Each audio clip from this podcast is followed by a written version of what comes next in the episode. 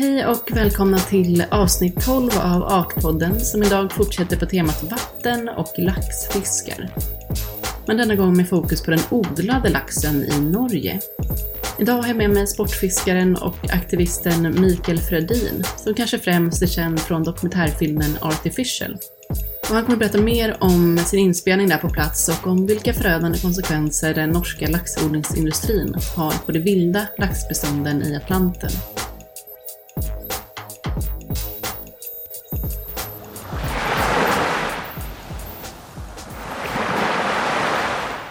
Då kör vi. Välkommen till Artpodden, Mikael Fredin. Kul att du ville vara med.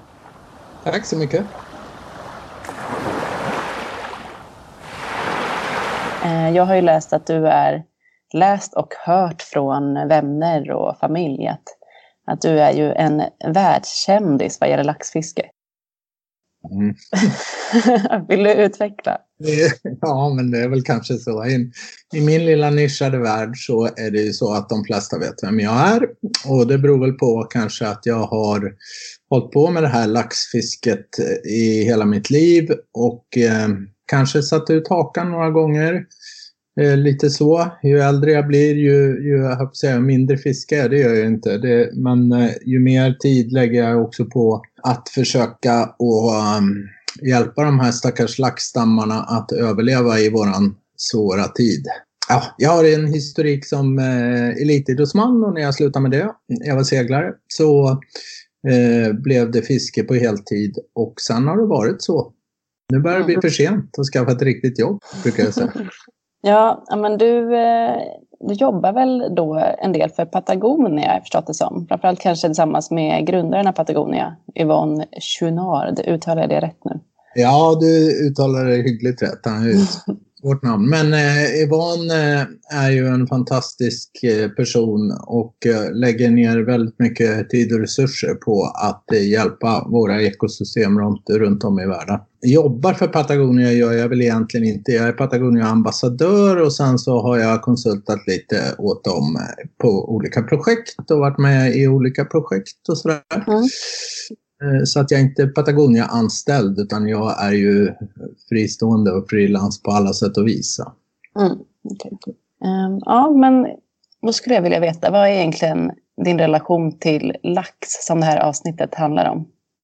Ja du, det är hela mitt liv höll jag på att säga. Det är så att, att eh, jag är ju sportfiskare då och fiskar lax med fluga och det har blivit så att eh, det har ju blivit hela, hela mitt liv så att säga. Jag har skrivit om det, jag har gjort film och tv och, och eh, engagerat mig på alla sätt och vis förutom att jag har rest eh, över hela världen och fiskat de här laxarna då. Så eh, det är väldigt lite i mitt liv som inte är laxar i alla fall, så kan vi säga. Mm. Ja, jag, jag förstod det här lite när jag arbetade med Definitivt Artpodden som handlar om öring. Där så fick jag höra att ja, men öring, det är, det är ingen besatthet där. Vänta tills du får träffa en laxfiskare. Då blir det farligt. Då bryts äktenskap upp och allt i livet går ut på att fånga och då många gånger skydda laxen. Håller ja. du med? Ja, jag håller med. Det är galenskap. Eh, men det är ju så man blir, alla olika former av nördar har väl en, en form av galenskap bakom. Det är klart att rent existentiellt så finns det ju inget väsentligt i att fånga en, en lax på en fluga man har bundit egentligen. Men eh, det är väldigt lätt att bli väldigt upptagen av det här. Det är ett svårt pussel att lägga eh, att fiska lax med fluga och det är ett pussel som man aldrig blir riktigt färdig med. Vilket innebär att, att eh, det finns hela tiden en utveckling i det och man kommer vidare och vidare och man får mer och mer erfarenhet och mer och mer kunskap. Och jag höll på att säga att det blir mer och mer intressant. Men det är i alla fall väldigt, väldigt komplext vilket eh, eh gör att det finns en väldigt stor utmaning i det. Mm. Har du något, eh, något liksom extra fint fiskeminne av just lax? Alltså jag har ju väldigt många minnen från, från hela världen. Det, Eh, man kan ju säga så här att, att just det här att fiska lax på fluga har ju tagit mig runt i alla världsdelar och tagit mig till märkliga platser på jorden. Och jag har fått träffa väldigt mycket intressanta människor, fått se väldigt mycket eh, fin natur och då också i det också naturligtvis stött på då platser där, där det har varit fin natur och där ekosystemen har varit i balans men där människan har sett till att det inte är så längre. Så att, nej men det är klart att det finns ju, jag har ju tusentals minnen som mm. har berikat mig och mitt liv. Så är det ju. Ja, du medverkade ju då i Patagonias dokumentärfilm Artificial mm. om laxodlingens påverkan på ekosystemet. Eh, jag antar att du också fick träffa en hel del personer efter det, för att filmen blev väldigt uppmärksammad och Eh, ja, inspelningen skedde ju där du var med i Altafjorden i Nordnorge. Mm. Sommaren 2017 var det va? Mm, stämmer. Vill du berätta lite mer om din insats i den här filmen? Ja, alltså projektet Artificial var främst tänkt i början att vara en film som skulle handla om fenomenet att odla laxar och släppa ut dem i vilda bestånd som vi har gjort. Och kompensationsodling har vi i hela Östersjön bland annat. Och eh, att eh, visa då hur skadlig den här odlingsverksamheten är för det vilda och hur människan genom att försöka eh, ja, sätta Guds finger i, i ekosystemet, hur man faktiskt ställer till med väldigt mycket oreda och skada. Sen är det ju så att odlingsnäringen har ju så stark påverkan så att man ville ha då en, en del av den här filmen som handlar om odlingsnäringen. Och då var det faktiskt jag som tog eh, filmteamet till just Alta. Eftersom Alta är väl världens mest eh, kända storlaxälv. Eh, den har ett väldigt stort symbolvärde men den är också en av de älvar som är under stark press och där påverkan blir allt tydligare och där bestånden går ner och eh, situationen för den vilda laxen blir svårare och svårare för varje år som går. Mm. Så därför hamnade vi där. Ehm, vi fiskade i älven och vi var ehm, och eh, tittade på den dammen som man byggde där i slutet på 70-talet. Eh, och det var ju så att det var ju eh, den största miljöprotesten i Europa när man byggde ut det här vattendraget och det var ett väldigt stort ståhej då. Jag gick i gymnasiet då faktiskt och samlade då namn mot den här utbyggnaden.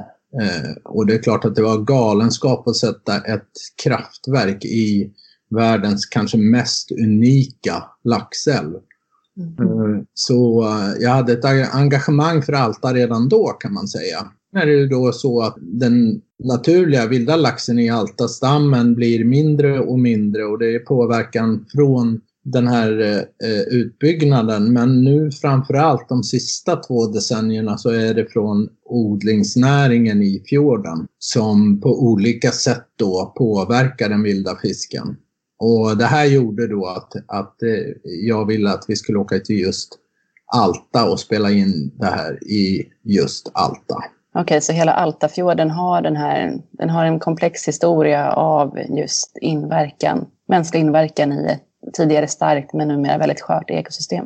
Ja, kan man, man, kan säga det kort och gott så här då att för några decennier sedan så var det största hotet eh, mot eh, de vilda laxarna det kommersiella fisket på öppet hav på blandade bestånd där man, eh, man fiskade rätt så hämningslöst den här fisken för kommersiell föda. Det här påverkade då alla laxstammar över hela världen på ett negativt sätt och det var också så att vissa stammar slogs ut ganska hårt just av att man fiskade på blandade bestånd. Man visste ju inte hur mycket man tog av en en viss eh, laxstam. Och i det här kan det ju också vara intressant att säga att rent genetiskt så är det så att alla laxstammar är olika. Eh, de skiljer sig från vattendrag till vattendrag. De är anpassade då eh, genom evolutionens utveckling för att passa just ett särskilt vattendrag. Fisket på öppna havet i Atlanten det köptes upp. Kvoterna köptes upp från, från de eh, kommersiella fiskarna och eh, det kustnära fisket eh, blev det största kommersiella hotet och är det fortfarande idag. Just Altafjorden så fiskar man med något som heter krokgarn och något som heter chilenötter. Och Finnmark då som är norr, längst i norr i Norge är enda fylket eller um, ska man säga länet då på svenska, där man tillåter just fiske med krokgarn. Så att eh, det här var ju då den påverkan eh, som fanns i, i, tidigt och det gjorde då att vi halverade väl kanske de vilda stammarna på de flesta håll och lite värre på andra håll genom att eh, ja, vi tog inte räntan på kapitalet utan vi tog så att säga av kapitalet. För få laxar fick leka helt enkelt. Vilket år pratar vi om nu? Alltså vi pratar om eh, från, eh, jag höll på att säga från kriget, men, eh, men eh, i alla fall då 60-70-tal, 80-tal. Och eh, så småningom då under den här perioden så blev det då, då växte den här laxodlingsnäringen, vilket gjorde också att det blev mindre intressant att, eh, att fiska laxen kommersiellt på öppna havet. Men eh, priserna sjönk och sådär och, och, fick en stor produktion. Och vi trodde ju då i våran enfald ett tag att det, det, här var lösningen då för de vilda laxstammarna. Men eh, så småningom då så visade det sig att vi, vi såg att eh, vi fick eh, ganska mycket sådana här lite märkliga laxar upp i älvarna och förstod att vi hade eh, ganska stor rymning från de här kassarna. Det är också så att de här kassodlingarna där man odlar ju då onormalt många individer på väldigt liten yta producerar ju också problem och sjukdomar och parasiter. Det finns en parasit som heter laxlus och de här eh, odlingarna fungerade som eh, fabriker för de här parasiterna som sen spred sig eh, ut i det vilda och gjorde att ganska så snart så såg vi att istället för att vi trodde att detta var lösningen så blev det här det största hotet, överlägset största hotet för de vilda laxbestånden. Ja, jag tänker att vi eh, backar lite och låter dig berätta ja, men, dels vad du såg när du spelade in filmen men också vad ni kom fram till under den här inspelningen eller hela produktionen av Artificial och ja, vad du har kommit fram till under ditt verksamma liv som laxfiskare. Mm. Vad har norska laxodlingar för påverkan på ekosystemet och det vilda laxbeståndet? Ja, man kan ju säga så här då att om vi börjar i Altafjorden den där sommaren 2017 så dök vi, eh, eller vi dök, vi åkte ut i Altafjorden för att filma på plats och eh, dokumentera då problematiken här. Och eh, vi visste ju, vi har ju sett film på hur det ser ut under de här kassarna. Det är döda bottnar och det är eh, tonvis med sediment av skit från de här odlingarna. Det är ju nämligen så att man har inget ansvar att ta hand om det, det man producerar, alltså det avfall man producerar, utan det lämnar man ju bara på plats. Och sen så visste jag ju också att det är väldigt många fiskar Eh, man man tillför väldigt mycket gifter för att hålla liv i de här fiskarna. Och eh, jag vet inte riktigt om jag faktiskt trodde att det skulle se så illa ut som det gjorde. Vi valde ju bara en kasse, vilken som helst, där vi hade fått veta att det fanns produktionsslaktfärdig fisk. Så att vi kom i en kasse med ganska stora fiskar då, på några kilo sådär som de brukar slakta på en 3-4 kilo någonstans. Och eh, då är det ju så här att det är en väldigt märklig regel i Norge att odlingsnäringen har en, en gräns, det vill säga man får inte komma närmare än 20 meter en sån här kasse. Eh, och då säger man att det är ska bero på att man inte ska eh, skada de här kassarna med båtar och sådär. Och det kan ju vara bra för vi vill ju inte ha så mycket rymlingar utan vi vill ju att de här kassarna ska eh, hålla sina fiskar inom sig. Va? Men eh, vi eh, var ju då tvungna att bryta mot den här lagen eh, för att kunna dokumentera det här. Och jag har sagt det förut och jag står för det att jag ser det som min journalistiska plikt att, att faktiskt visa allmänheten eh, hur den här näringen drivs och hur de här fiskarna som vi ser i fiskdiskar och, och mataffärer runt om eh, faktiskt mår och har det och på vilka villkor de odlas. Och eh, ja, hur de ser ut på riktigt så att säga. Och eh, väl framme vid den där kassen så filmade vi ju då så att säga, ja jag stack helt enkelt in en kamera på en, en GoPro på en pinne där och och det var otroligt mycket sjuka fiskar och det var otroligt mycket svamp och missformningar och eh, stora öppna sår på de här fiskarna. Så det är klart att det, det vi filmade blev ju väldigt, väldigt starka bilder starkare kanske än vad jag var riktigt förberedd på. Jag visste ju att det skulle se ut på det här viset men att eh, bilderna talade så tydligt språk att eh, här driver man på ett sätt som man eh, inte borde och som inte bara är skadligt för fisken utan också skadligt för miljön runt omkring och man gör det genom att man producerar ett ett livsmedel som är i högsta grad, eller bör i högsta grad ifrågasättas. Både för vad det innehåller men också på det sättet som man så att säga skadar miljön när man producerar det. Men jag brukar göra jämförelsen så här att om du tänker dig att du vore en bonde och hade 70 000 kor, det var ungefär 70 000 laxar i den här kassan. Varav hälften eh, vore sjuka, täckta med svamp, med stora öppna sår, där du hade en dödlighet, vilket är då de officiella talen från odlingsnäringen på 24 procent. Det vill säga en fjärdedel i princip dör av det sättet som de odlas på. Eh, den här bonden, om vi hade en sån här åker eller en sån här gärde utan gräs och med, med eh, fulla med lik och, och sjuka djur så är det ju så att den här bonden han hade ju varit satt i fängelse och blivit förbjuden att bedriva sin verksamhet för länge, länge, länge sedan. Då. Det som är här är att eh, när det gäller laxodlingsnäringen så sker den ju under vatten. Eh, vi, allmänheten, känner inte till hur det här livsmedlet produceras. Och regeln att man inte får komma närmare än 20 meter gör ju också det omöjligt för allmänheten att, att skaffa sig kunskapen. Så att eh, jag måste säga att jag tycker att det här eh, besöket vid odlingen där blev eh, det blev starkt och det blev eh, bra. Vi fick kunna dokumentera situationen och eh, som du också har sett i filmen då som har sett Artificial så eh, bidrar väl det här också till att det är en så pass stark film som det är. Sen är det ju också så att, eh, att eh, jag blev ju, om jag ska fortsätta den här lilla historien här, så blev ju jag då, jag fick ett eh, brev i, i brevlådan eh, sex månader senare att jag skulle infinna mig hos polisen i Uppsala för att jag var anklagad för intrång.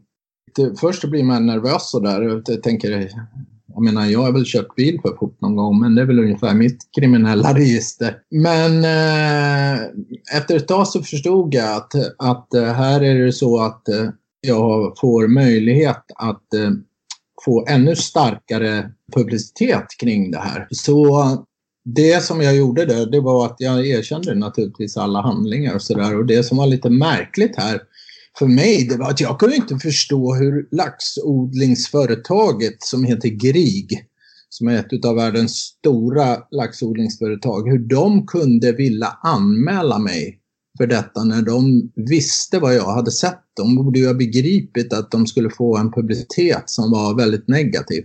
Men mm. Eh, så förstod jag efter ett tag, att, eh, eller jag fick information efter ett tag, att det var ju faktiskt så att, att det var ju fiskodlingsorganisationen centralt och som hade sett att, eh, att någon hade varit uppe på en sån här kasse och man beordrade helt enkelt företaget att, att anmäla mig. Och eh, det var nog någonting som de eh, inte egentligen ville göra för de ville ju väl förmodligen ha så lite publicitet som möjligt kring det här att vi hade filmat det här eftersom de ju naturligtvis visste hur illa det såg ut i den här kassen. Mm. Eh, men det här ledde då eh, fram till en rättegång så småningom och det ledde fram till väldigt mycket publicitet kring det här. Jag tror att jag, ja nu gör vi en intervju kring det här här nu, men jag tror att jag snart har gjort tusen intervjuer med, som du sa innan så är det ju så att, eh, att jag är ju en publikperson i min lilla nischade värld, men här fick jag så att säga möjligheten att prata med, med de stora nyhetskanalerna New York Times, BBC, Le Pen i Frankrike, Le Guardian i England eh, och hela första sidan på Svenska Dagbladet, Aftonbladet i Sverige. Så det är klart att det blev ju eh, medialt blev det ju en väldigt bra plattform för att sprida det här budskapet helt mm. enkelt. Då. Och jag blev ju dömd i, då, jag blev ju dömd i, för intrång och vi eh, hävdade då att detta var en räddningsaktion och att, man, eh, att vi eh, eh, var tvungna att bryta de här reglerna för att samla information helt enkelt. Och vi överklagade domen och lite märkligt så svarade man då från eh, det som heter lagmansrätten i Norge. Eh, det motsvarar våran hovrätt. Där sa man så att man godkände inte överklagan eftersom ska man driva en räddningsaktion så måste man ha en möjlighet att också rädda någonting. Och man uttryckte sig alltså som att det finns ingen möjlighet att göra det här, vilket ju är ganska så jag vet inte vad jag ska säga om det. Men det är ju eh, mycket märkligt. Ja. Så att eh, det är ju så, och det är det som fascinerar mig här i den här kampen för de vilda laxarna. Jag förstår inte hur man som norsk lokalpolitiker kan offra då de här fjordsystemen, den vilda fisken, de genuina ekosystemen för att man rent kortsiktigt ska tjäna, ska låta några få, för det är ganska få stora företag som tjänar väldigt mycket pengar. Jag har en siffra på att de tjänar en miljard om dagen på denna odlingsnäring. Och det är klart att ett rikt land som Norge med sina oljeresurser och så borde ju både ha råd och vilja värna ekosystemen och ta ansvar för att också eh, framtida generationer ska, ska kunna få njuta av dem och få leva i dem. Mm. Samtidigt som jag läste att eh, fiskeriminister Elisabeth Aspaker 2013 i Norge sa att när produktionen av olja och gas är över kommer fiskbranschen att vara för evigt. Precis, hon har gjort många märkliga uttalanden. Hon sa nämligen också här att de vilda bestånden är i vägen för och är ett problem för att vi ska kunna utvidga odlingsnäringen. Så att, eh, ja, det, det, det är ju ett mycket, mycket märkligt sätt att se på ekosystemet och, och på planeten vi lever på, måste jag säga. Mm. Ja, men då skulle jag vilja att du ändå berättar igen. Vad, vad är det då, om vi tydliggör här, vad har norska laxodlingar för påverkan på ekosystemet? Ja, då är det så här att det, det, finns ju då, bedrivs ju forskning här och det finns ju då organisationer som, som jobbar, jag jobbar ju fristående med stöd från olika organisationer runt omkring. Men alla är överens om att de tre största hoten mot de vilda laxstammarna, och det är inte bara i Norge utan det är över hela världen. Det är tre hot och det är eh, rymlingar från eh, odlingsnäring. Det är parasiter, framförallt den här eh, parasiten som kallas för laxlus. Och sen så är det då spridningen av sjukdomar. Att odla så många individer på så liten yta gör också att man får väldigt stora sjukdomsutbrott. Då. Det här är expertisen över hela världen överens om att det här är de tre största hoten och alla utav dem kommer från norsk odlingsnäring. Och då ska man vara klar över också att när jag säger norsk odlingsnäring så är det ju inte bara så att man i Norge, att man eh, jag höll på att säga våldför sig på de norska ekosystemen utan det är norska företag som gör det här över hela världen. Vi har en havererad chilensk kust, 100 mil kust med havererade ekosystem. Vi har stor påverkan British Columbia längs den amerikanska kusten, Island, den västkusten i Storbritannien, eh, Irland, kollapsade system, nästan ingen vildfisk kvar. Eh, det är norska företag som gör det här, eh, som ställer till med det här eh, världen över. Okej, så det är även norska företag som bedriver odlingsverksamheter i då, på de här platserna som du nämner? Jajamensan. Vi hade precis just nu, om du följer nyheterna, så fick de ett eh, mångmiljon skadestånd i Chile för att man hade en, eh, en rymning där som man bedömde skulle ha bestående påverkan på ekosystemet. Och det, det är ju tyvärr så vaknar man i Chile och ser problematiken lite för sent. Man skulle ha gjort det för 20 år sedan men nu, eh, nu har man nu sagt att man ska försöka eh, ta i med hårdhandskarna mot odlingsnäringen, vilket ju som sagt är väldigt, väldigt sent, men det är ju bättre sent än aldrig. Ja. Mm. Och vad betyder då de här rymningarna? Vad har det för påverkan på ekosystemen ifall odlad lax rymmer från sina burar? Ja, precis. Då är det ju sådär att, att eh, alla laxälvar har en eh, laxstam som är unik för just den älven.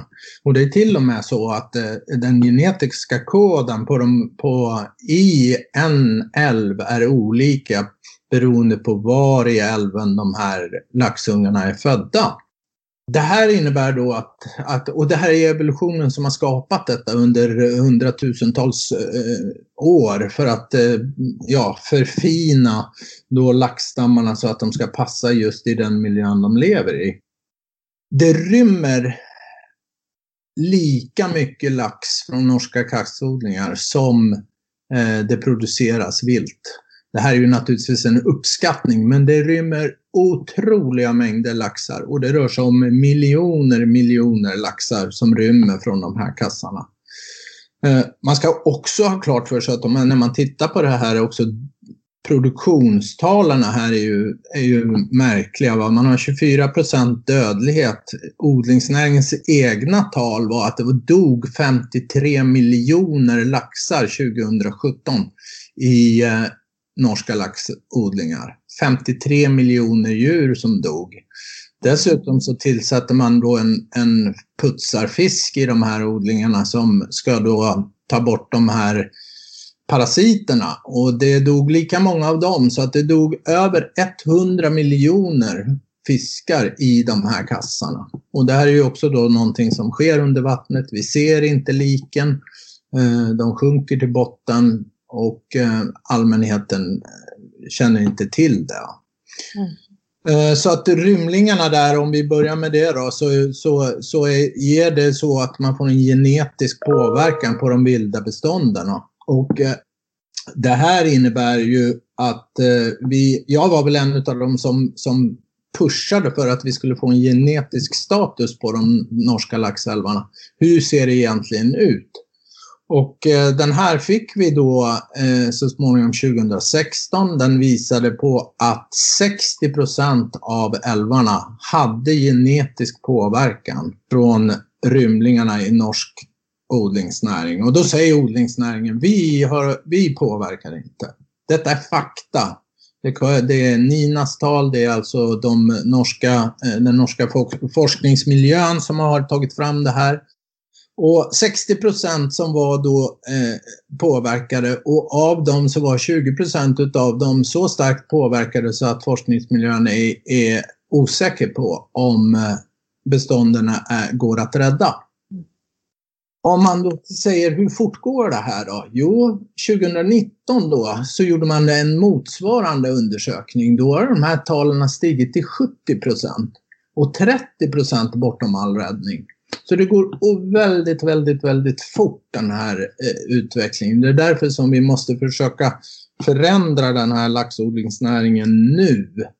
Vi har kanske ett decennium på oss och om två decennier så kanske all vildlax, all norsk vildlax och det mesta av den atlantlax vi har i världen är borta för alltid. Va?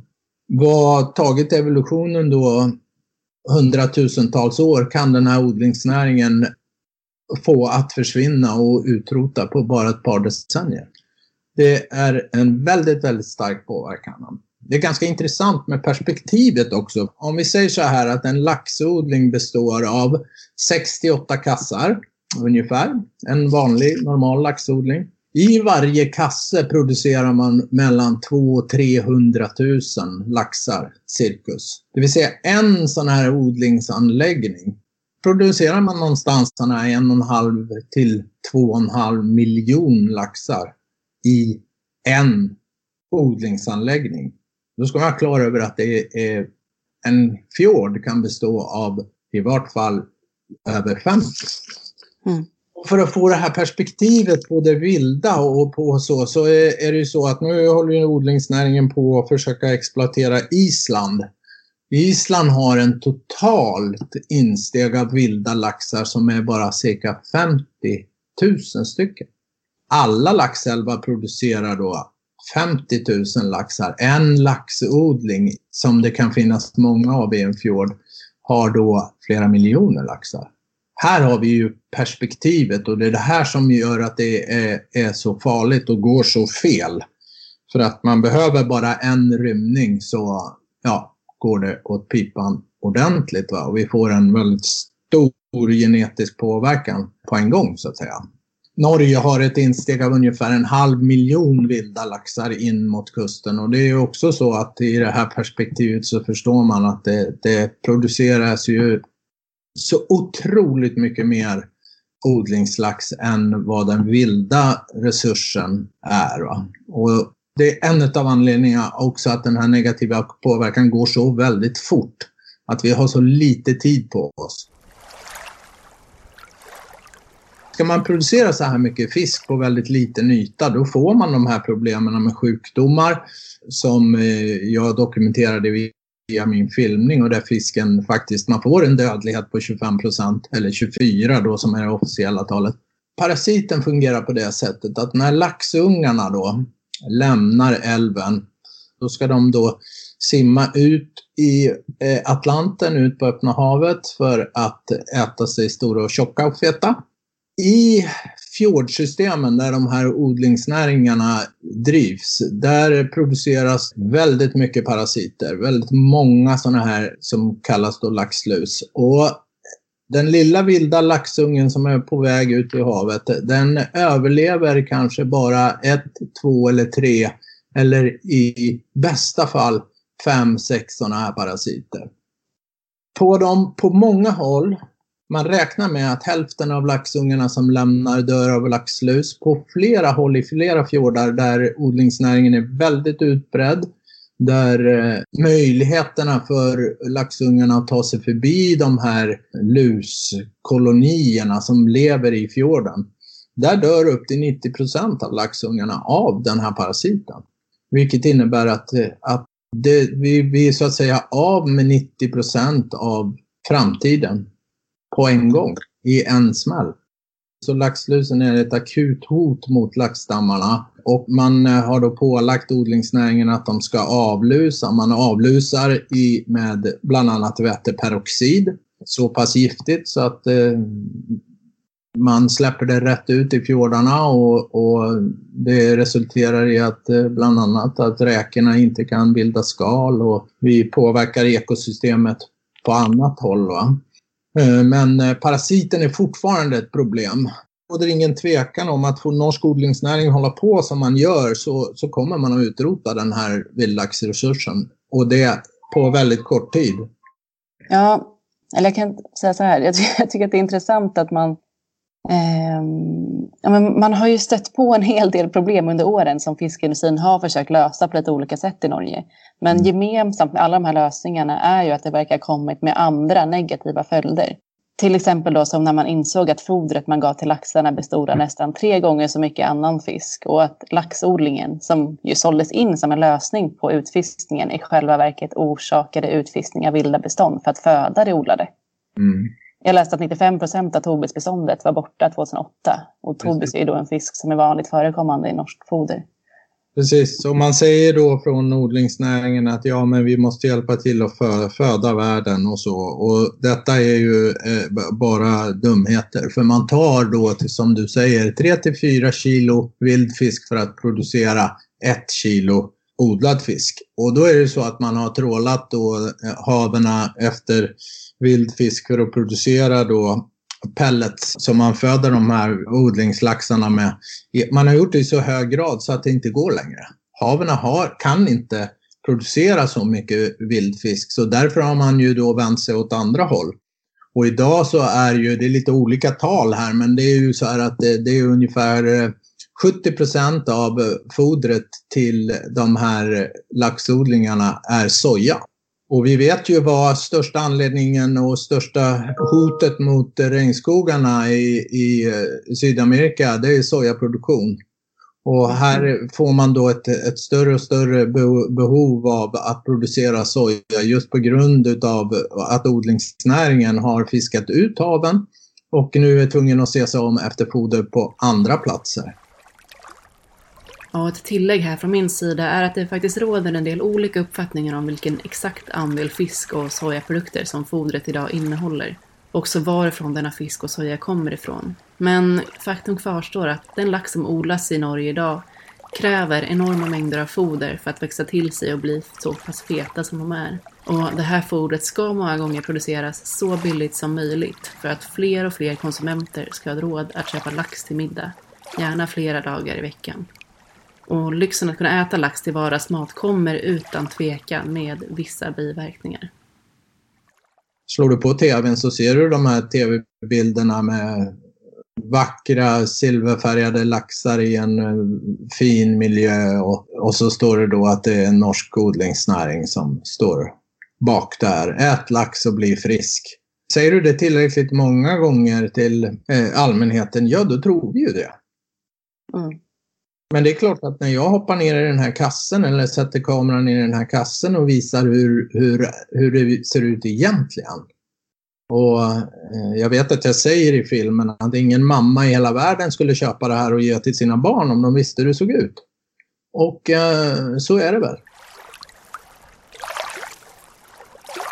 Vi tror att eh, den odlade laxen är ett livsmedel. Man säljer in den på att, eh, att eh, det är viktigt med omega-3 och omega-6 och de här bra fetterna är viktiga för oss i våran föda. Men eh, när man går över på soja så innebär det också att eh, den här eh, odlingslaxen är i princip fri från omega-3 som är det viktigaste och det bra fettet i, i vild lax. Så att man producerar också ett livsmedel som, som inte är det är inte ens som föda lika, lika bra som det vilda. Och det är ju sällan så. Vi försöker göra världen bättre, då blir det ett steg fram och tre tillbaka. Ja, och precis. Och ett annat exempel är ju när man har försökt lösa det här laxlusproblemet som du nämnde, där man använder sig av så kallade putsarfiskar. Mm. Eh, men då att de istället drabbades av egna sjukdomar på laxodlingarna. Och konsekvensen blev då snarare att ytterligare ett fiskbestånd började utarmas. Mm.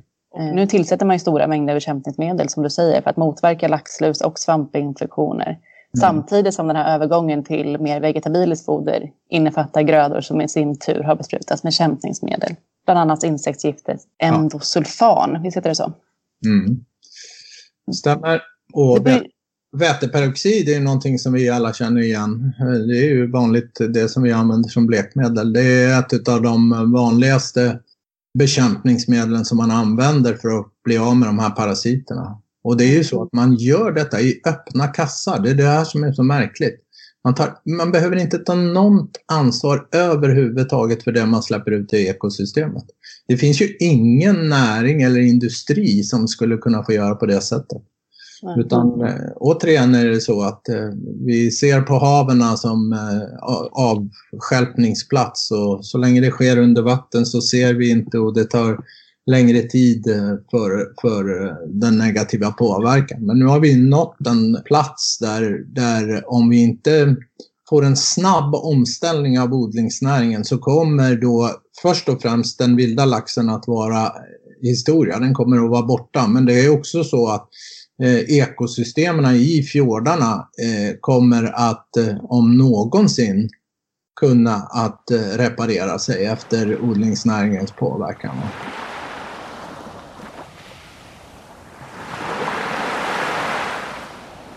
Vi måste ju lösa den här problematiken och den första frågan man ska ställa sig det är ju eh, varför ska vi äta så mycket lax?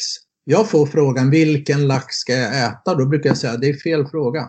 Den frågan du ställer nu, den kommer ifrån att odlingsnäringen har fått oss att tro att lax är en stapelföda. Den ska vi äta eh, tre gånger i veckan eh, och det är över hela världen. Det beror bara på att de här företagen vill tjäna så mycket pengar som möjligt. Lax är, om man nu säger på engelska, seasonable food source, det vill säga den kommer in till kusten under en viss period på året. Visst, man kan grava och man kan röka och man kan torka och så, men den, den är inte någonting som vi ska äta 12 månader om året. Det, det, det, resursen ser ju inte ut sådana. Och, och det är märkligt också, vi sitter och äter våran sushi och tror att eh, sushin kommer från Japan och den Eh, ett av de vanligaste livsmedlen eller eh, för att producera den här, det är ju norsk odlad lax. Det är en norsk odlingsnäring som har introducerat laxen till Japan och till eh, sushikulturen. Den fanns inte där från början. Utan det är bara för att vi ska äta så mycket lax som möjligt så att de kan sälja så mycket lax som möjligt, producera så mycket lax som möjligt på vilken bekostnad som helst för att tjäna så mycket pengar som möjligt. Och finns då lösningen här då? Då man ställer sig frågan först att ska vi äta någonting annat? Ja, det är betydligt bättre för oss att äta en fisk som är längre ner på näringskedjan, det vill säga äta mindre fiskar än äta predatorerna, de stora fiskarna. Vi gör mindre påverkan där och eh, det är bättre för ekosystemet i stort. Då. Men om vi nu ska producera livsmedel då och producera lax, kan vi göra det på ett riktigt sätt? Och, och det kan vi faktiskt göra. Vi kan, ju, vi kan börja med att, att lyfta upp de här odlingarna på land. Eller i vart fall odla dem i havet i slutna system. Det vill säga det är som stora plastbaljer va, som äh, guppar omkring i fjordarna. Och visst finns det en risk att också de här går sönder och att vi får en, äh, en eh, genetisk förorening från odlingarna på det här sättet. Men vi flyttar in näringen under mer kontrollerade former där man också får ta hand om allt sitt avfall, där man också får ta hand om eh, de giftrester som blir. Man kommer också behöva använda väldigt mycket mindre gifter eftersom parasiterna som eh, då naturligt finns i ekosystemet inte kommer åt de här odlingarna. Och Det här är ju det som jag och de många med mig slåss för. Det, är ju att vi ska försöka få den här omställningen in i slutna system att ske så fort som möjligt. För kan vi göra den här omställningen under en tioårsperiod, då kan vi rädda en del av de här vilda laxbestånden. Då går kanske inte alla förlorade. Men om eh, det ska behöva ta eh, två, tre decennier, då kommer all lax att vara utrotad när näringen flyttar in i slutna system. För det är den vägen vi går. Va? Jag hade hoppats att eh, ansvariga politiker kunde se sambanden och faktiskt skyndat på det här. Man har lagt ett förslag till exempel i Norge på en 40-procentig skatt på odlingsnäringen för att eh, man eh, gör så stark påverkan på det som tillhör allmänheten, det vill säga ekosystemen, fjordarna och naturen om eh, norska politiker till exempel hade sett till att man la den här 40-procentiga skatten, eller de fick gärna lägga den på 80 också för vad det gäller mig, men om man hade lagt en hög skatt på den delen som påverkar ekosystemen och som, som är skadlig för naturen och istället subventionerat omställningen, då hade den här gått mycket, mycket, mycket, mycket fortare. Och det är klart att eh, den starkaste kraften blir så småningom odlingsnäringen själva. Den delen av odlingsnäringen som är i slutna system, den kommer att slåss mot den här konkurrensen. Eh, den som sker eh, utan ansvar så att säga i öppna kassar i fjordarna. Så att eh, lösningen finns här. Och eh, eh, om vi svänger lite då i det här resonemangen så är det så att jag tror också på, på kraften hos konsumenten. Om vi som konsumenter kan eh, först och främst välja att inte äta lax från öppna kassar. Dels för att den är skadlig för oss ur ett eh, rent hälsoperspektiv, men också för att den är skadlig för miljön och att den har så stark negativ påverkan och att vi istället kan välja lax från slutna system. Om vi kan göra det som konsumenter, då kan vi också se till att vi påskyndar den här omställningen. Hur vet man om det, att det kommer från ett slutet system då, istället för ett öppet? Det är så att det, eh, produktionen från slutna system, den ligger precis i sin linda nu. Och eh, de företagen kommer ju naturligtvis att eh, se till att alla som köper deras lax vet att den inte kommer från öppna kassar och att den är eh, långsiktigt hållbar. Men den finns inte på marknaden ännu? Den finns lite på marknaden idag. Och jag kan ta exemplet bland annat till Island igen. Där finns det en liten dekal på eh, de bättre restaurangerna och de mest ansvarsfulla restaurangerna där det står då We only serve fish from closed containment, land-based closed containment står det. Vilket innebär att de har tagit eh, avstånd från odlingsnäringen, som sker i öppna kassar och där man väljer från restaurangen att bara servera ett livsmedel som inte påverkar miljön så, så negativt. Då. Det här är någonting som jag pratar delvis med några av krögarna här nu och eh, näringen också i Sverige. Och tyvärr är det så att kunskapen finns inte hos, eh, hos restaurangnäringen utan här måste vi utbilda restaurangnäringen och här finns det redan, eh, nu ska jag inte nämna några namn, men några av våra absolut mest kända krögare som har sagt att det här visste inte jag. Eh, självklart ställer vi oss bakom det här. Vi måste bara se till att vi kan få eh, en eh, producent som kan producera åt oss. Och den produktionen ligger precis i sin linda nu och, och, nu blev den här coronasituationen sån att det blev lite annorlunda för just restaurangbranschen. Men jag hade hoppats och tror fortfarande att vi kommer att gå ut med ett ganska stort projekt tillsammans med några av Sveriges bästa krögare till, eh, redan till den här julen som kommer nu. Och eh, jag kan också säga att eh, om jag går tillbaks till Island så var det så att Islands kocklandslag de hoppade av VM för de skulle använda det här livsmedlet då och sa att nej, vi tänker inte ställa upp på att laga mat på någonting som förstör vår natur och våra ekosystem på det här sättet. Så de, hela deras landslag eh, sa nej till det. Vilket ju var ett eh, bra ställningstagande. Och vi kan ju som individer göra skillnad genom att just ifrågasätta.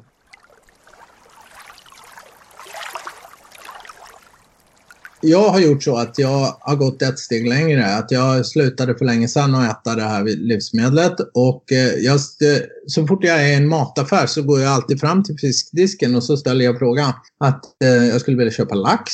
Och då för de mig bort till den här högen av vitrandig odlingslax, alltså laxen ser inte ut så egentligen, den är inte alls lika randig, inte lika mycket fett i den.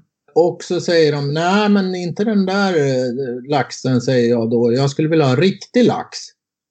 Och då tittar de konstigt på mig och så, så håller jag då en liten eh, utbildning där på 30 sekunder om hur skadligt det här livsmedlet är och att jag har sagt att det förmodligen är Eh, det giftigaste, eller ett av de giftigaste livsmedlen som säljs i en svensk mataffär.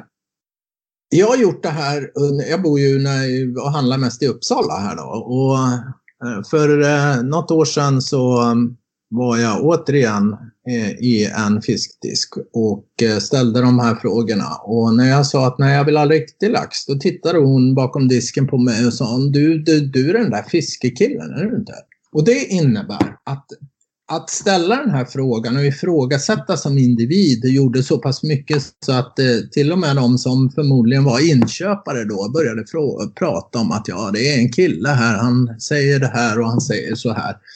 Och det här var då innan Artificial och innan eh, det, den stora mediabruset som var kring, kring det. Och jag tycker det här visar att vi som individer också kan eh, göra skillnad. Då. Vi kan eh, ta personliga ställningstaganden. Jag behöver inte säga till min eh, sushibutik längre att jag inte ska ha lax på min sushi, för de vet det. Och de vet också varför jag väljer bort den. Och jag tycker det är viktigt att vi så att säga också inte bara skäller utan att vi också försöker att göra skillnad genom vårt sätt att agera. Och som konsumenter så är, du väljer ju själv vad du vill köpa när du går in i mataffären. Men där har jag ändå en fråga och det handlar om Livsmedelsverkets roll i det här. Du säger ju att det är ett, ett giftigt livsmedel. Då. Vad, är inte det någonting som Livsmedelsverket borde gå ut med i så fall? Jo, Livsmedelsverket. Jag har ju varit i radiodebatt med Livsmedelsverket och vi tycker väl inte riktigt lika här. Det är ju så att eh, Livsmedelsverket säger så här att, eh, att eh, vi vet att eh, det är eh, höga halter av gifter i den här fisken. Men fiskfettet som man får i sig är också eh, positivt och här så har man då en positiv sida och en negativ sida. Nu finns det gifter här som är toxicin som till exempel Livsmedelsverket inte, ja, man mäter det kanske men det ingår inte i eh, de eh, gifter som avgör om livsmedlet ska klassas som hälsosamt eller om man inte får sälja det. Men jag kan säga så här att EFSA då, som är Europeiska eh, mathälsoorganisationen, de eh, sänkte det rekommenderade dioxinintaget i eh, livsmedel ner till en sjundedel av vad det var tidigare. För att man har insett att dioxinerna är mer skadliga än vad man har trott tidigare. Det här innebär då att om man ska gå på de här eh, innehållsdeklarationerna som är på, på laxen så innebär det då att om en person, ett barn, som väger 30 kilo äter 70 gram lax, uppskattningsvis skulle jag säga en halv portion, så har man fyllt veckointaget av miljögifter. Det vill säga man kan inte äta någonting annat än en halv portion odlad norsk lax innan man går över gränsen för vad som eh, forskarna är och Livsmedelsverket är överens om är skadligt. Då. Det här är ju också en, en, ett, en fakta. Det är det här som eh, bland annat då gjorde att, eh, att eh, jag var väl lite inblandad i att Åre kommun gick ut och beslutade att man skulle sluta servera lax till eh, skolbarn i skolor och förskolor i kommunen. Och man gjorde det, det är ju en diskussion kring livsmedlet, hur pass skadligt det är det. Och, eh, I Åre kommun sa man så här att vi har bestämt att vi inte vill göra det här för vi vill inte bidra till den negativa påverkan som är på ekosystemen och på naturen. Sen får man så att säga som bonus att, att det här då som livsmedlet som är ifrågasatt och ska ifrågasättas, att man får bort det från, från barnens meny i skolorna, vilket ju är naturligtvis en stor vinst. Mm. Så, eh, och jag, har, jag vet att det är andra svenska kommuner som har det här uppe på sin agenda och, och man kliar sig i huvudet och man tittar eh, på varandra och det är så att säga en ny kunskap för de flesta i allmänheten om hur stark negativ påverkan norsk odlingsnäring har. Och eh, när man förstår det så, så blir det så att säga ja, det blir relevant att ta upp diskussionen. Ska vi verkligen stödja näringen på det sättet som den drivs?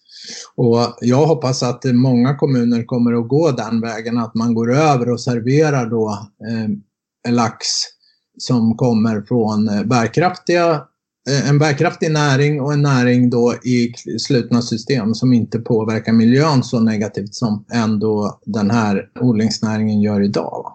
Mm. Så att, ja, det finns mycket vi kan göra här och vi kan ställa frågan eh, till våra vänner och vi kan eh, eh, Eh, hjälpa till att, eh, att eh, utbilda personalen i mataffärer och vi kan naturligtvis ställa frågan till våra folkvalda politiker. Det är deras ansvar. Det var en stor artikel i Norges största dagstidning där det står odlingsnäringen förgiftar befolkningen. Och jag vet inte om det var ett frågetecken efter den där rubriken. Men det är i alla fall en frågeställning som gör att vi, vi kan eh, ställa krav på våra politiker att man faktiskt ser till att skaffa sig kunskapen. Mm. Jag hittade siffror i alla fall i filterartikeln som du är med i, eller där de intervjuar dig och gör ett reportage om det laxindustriella komplexet. Där finns ett bra grafikuppslag där man berättar vad som krävs för att föda upp de här fiskarna. Mm. Eh, och där reder de också ut lite vad det är för olika kemikalier som tillsätts för att få fram den laxen som vi sen förväntas äta. Och det man gör då är att man tillför 30 animaliskt foder som är till exempel chilensk ansjovis, småfiskar från Nordsjön. Och de här innehåller tungmetaller och gifter som dioxin, kadmium och kvicksilver. Medan det vegetabiliska fodret då besprutas med insektsgiftet endosulfan. Mm. Och sen tillkommer då etoxikinet som tillsätts för att fiskfodret inte ska härskna på mm. frakten över till, till Norge.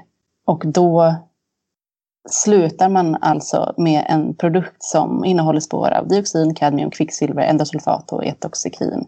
Och jag läste också att det här etoxikinet är ett trögflytande ämne som används i däckindustrin där det förhindrat sprickbildning ursprungligen.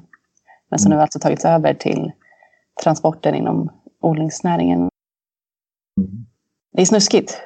Ja, det är snuskigt och det, man ska väl inte vara så förvånad egentligen för det handlar ju om för den här näringen att producera så mycket fisk som möjligt och, och få så höga produktionstal som möjligt. Det som förvånar mig egentligen det är inte näringen. Det är alltid så med industrier att man försöker tänja på gränserna och gå så långt som möjligt för att tjäna så mycket pengar som möjligt. Jag tror på marknadsekonomi. Jag har inga, inga problem att se det. Det jag har problem att se det är hur de folkvalda politikerna som känner till detta, för det är numera ingen hemlighet hur, hur, eh, hur stark påverkan odlingsnäringen har. Att man med sitt goda minne offrar eh, de norska ekosystemen, man offrar den vilda fisken och man gör detta med gott minne för att de här relativt få företagen ska få tjäna så otroligt mycket pengar.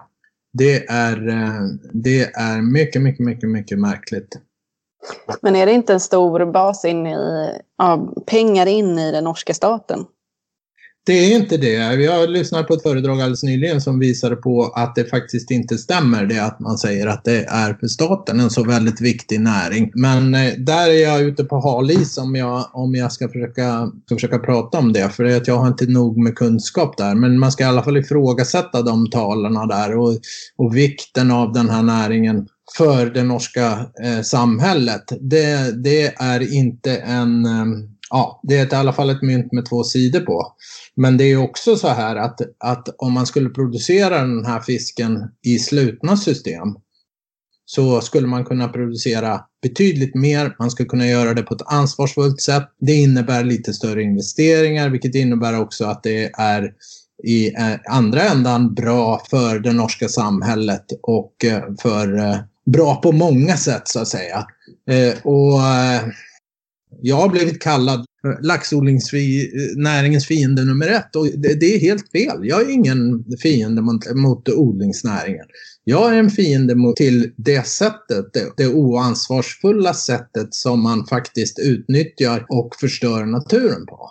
Lösningen finns här. Flytta in dessa odlingar i slutna system så är man av med en stor del av problematiken. Vi har kvar problematiken med hur vi ska föda de här fiskarna. Men, eh, men de tre hoten mot den vilda laxen som är spridning av sjukdomar ute i ekosystemet, genetisk förorening och eh, parasiten laxlus. De är vi av med då. Och varför tror du inte att man gör det då? Är det för stora kortsiktiga kostnader? Precis, det är så här att om du tänker att du slänger ett nät i en kasse, för det är en nätkasse och sen så bara eh, behöver du inte ta något ansvar för, för skiten du producerar och ingenting och de som dör, de dör och det, de eh, hamnar på botten och allting. Man, be, man behöver inte ta något ansvar. Det är klart att det är ett väldigt enkelt sätt att driva den här näringen på. Det är kortsiktigt, men det är väldigt, väldigt enkelt. Då. Eh, det är klart att ska du bygga en laxodlingsanläggning på land så krävs det större investeringar. Men nu är det ju så att nu görs de här investeringarna eh, och de görs på andra delar av världen. Man håller på i Norge också men man, det görs eh, stora sådana här. Det finns en väldigt stor laxodling i Miami, USA bland annat. I Kina bygger man gigantiska stora eh, odlingsanläggningar på land det som eh, den norska näringen har gjort, och här tror jag att man har gjort ett, det kommer visas att man har gjort ett misstag, det är att man istället för att eh, kanalisera resurserna till att ställa om näringen in till det som blir bärkraftigt och det som är rätt sätt att göra den på, så har man lagt resurserna på att försöka få oss att, att tro att det inte är så farligt. Eh, det som händer under den här tiden det är att eh, norsk eh, odlingsnäring som har haft, de har ju haft i princip monopol på, på marknaden. De kommer ju bli av med den nu. För nu håller omvärlden på att växa förbi Norge. Och utvecklingen går snabbare på andra platser än vad den gör i just Norge.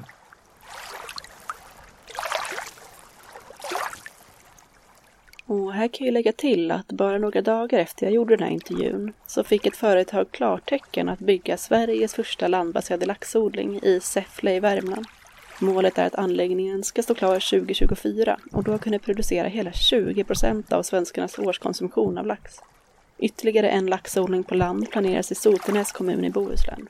Och jag tror helt klart att Mikaels engagemang och spridningen av Artificial har bidragit till den här utvecklingen.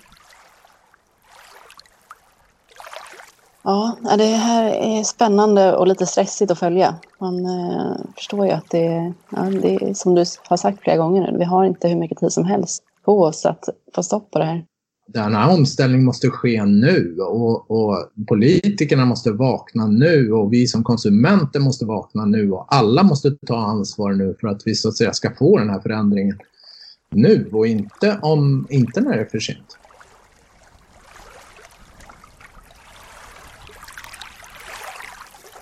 Otroligt mycket tack för att du ställde upp. Stort tack för att du engagerar dig också. Ja, tack. Okej, bra. ha det bra. Ja, du med. Hej då. Hej då.